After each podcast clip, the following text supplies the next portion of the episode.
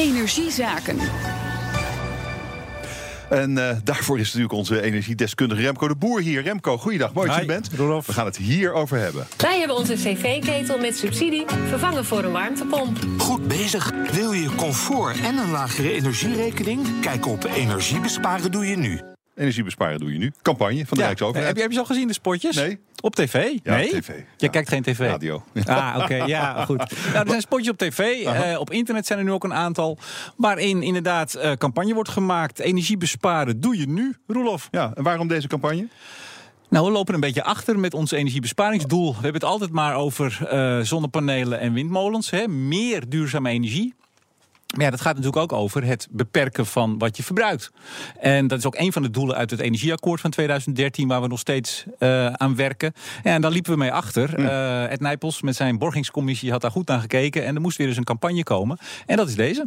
Oké, ehm, en eh, hij, hij vertelt eigenlijk ons, het volk, wat we het beste kunnen doen om in onze particuliere huizen wat zuiniger met energie te zijn. En wat zijn dan de opties die, die deze campagne ons aanbiedt? Nou, als je naar die website gaat, dan zijn er twaalf verbeteropties, zoals het genoemd is. Gevelisolatie, isolatieglas nemen. Eh, wij hebben thuis dubbelglas, maar ik zit nu te kijken... nou, misschien moeten we naar drie dubbel hoogrendementsglas. Hè. Dat kan altijd weer beter.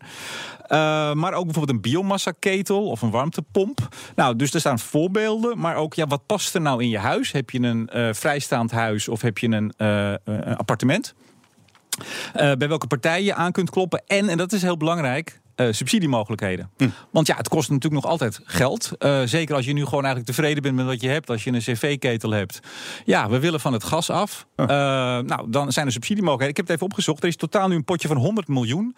Dat lijkt heel veel. Maar als je, zeg eens even, eh 2000 euro per subsidie projectje. Bijvoorbeeld op een, op een eh, warmtepomp kun je tussen de 1300 en 3400 euro krijgen. Afhankelijk van type vermogen. En zo'n ding kost eh, in Ja, totaal? dat weet ik niet precies, maar vrij veel Ja. eh, wel. Want eh, vandaag kwam er ook een rapport uit eh, in opdracht van Milieudefensie. En waar staat dat het hele van het gas afgaan wel tussen de 15.000 en 20.000 euro kost. Nou, daar, daar maakt zo'n warmtepomp een groot aandeel van uit. En dan kan je dus 2000 euro van de overheid krijgen. op ja, er zijn subsidiemogelijkheden. Er zijn ook eh, dat je eh, leningen kunt aangaan. Dus er zijn allerlei mogelijkheden. Maar eigenlijk was dat er al. Dat is er al. Het zet het nog eens even weer extra Ja, ja. in het zonnetje. Maar wel heel erg van belang. Ja. Eh, de vraag is natuurlijk eh, of zo'n campagne iets gaat doen. Ik denk het wel. Ik ben er enthousiast over.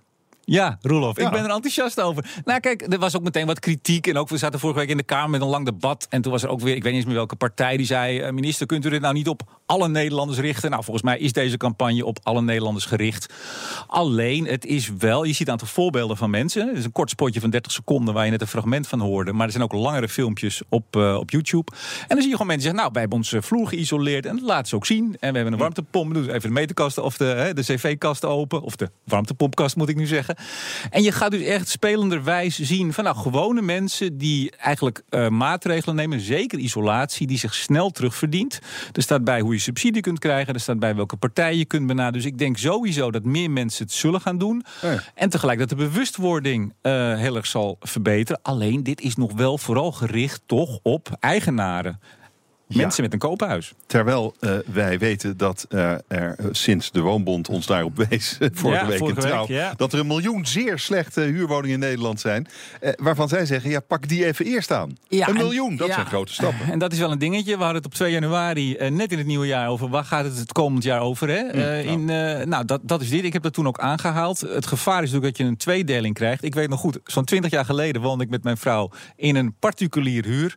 eh, appartement in Amsterdam. Dat was heel erg oud. Dat was enkel glas. Ik, als ik er wel eens in de winter een dagje thuis zat te werken, zat ik in de slaapzak en had ik handschoenen. dat was echt verschrikkelijk. Dat is. 20 jaar geleden. En helaas zijn er nog steeds heel veel van dat soort huizen. En de mensen die daar wonen, kunnen niet zelf dubbel glas. Hè, die, die wonen in een huurhuis. Die kunnen dus niet, hebben niet de mogelijkheid om zelf beter te isoleren. Om zeg maar, te doen wat in die campagne wordt gezegd.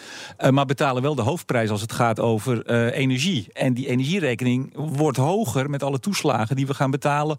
Om ook de subsidies te kunnen betalen om te isoleren. Ja, je moet dus oppassen dat, dat, dat, eh, dat een lage energierekening niet alleen iets voor de rijken wordt. Nou, en Dus dus zit er dat, een beetje achter, hè? dat onderzoek wat vandaag uitkwam in opdracht van Milieudefensie, dat vind ik op zich heel goed. Want daar wordt gezegd, nou ja, eh 15 tot 20.000 kijk goed uh, hoe we dat gaan doen, die verdeling. Ze hebben een campagne een eerlijke transitie. Dat vind ik heel goed. Wat je wel tegelijk zag, en uh, het was een tweetje van zei, ja, dat is schrikken. Heb je een koophuis of een lage of middeninkomen, dan zou je wel eens financiële problemen kunnen komen. En dat vind ik dus wel weer heel erg jammer slecht eigenlijk. Je zag het ook in de krantenkop. Gasloos huis, strop voor bezitters. Ja, weet je, dus we slaan weer door. Hou het nou bij wat het is. We hebben een goede campagne lopen. Bewustwording, er zullen meer mensen meer gaan doen. Zeker de maatregelen die makkelijk terug te verdienen zijn. En laten we nou niet weer meteen paniek gaan maken dat je in de problemen komt. Want hoe meer we gaan besparen, Roelof, hoe meer mensen warmtepompen nemen, hoe goedkoper ze worden. Zo is het. Dankjewel, Remco de Boer, onze energiedeskundige. Dank je zeer.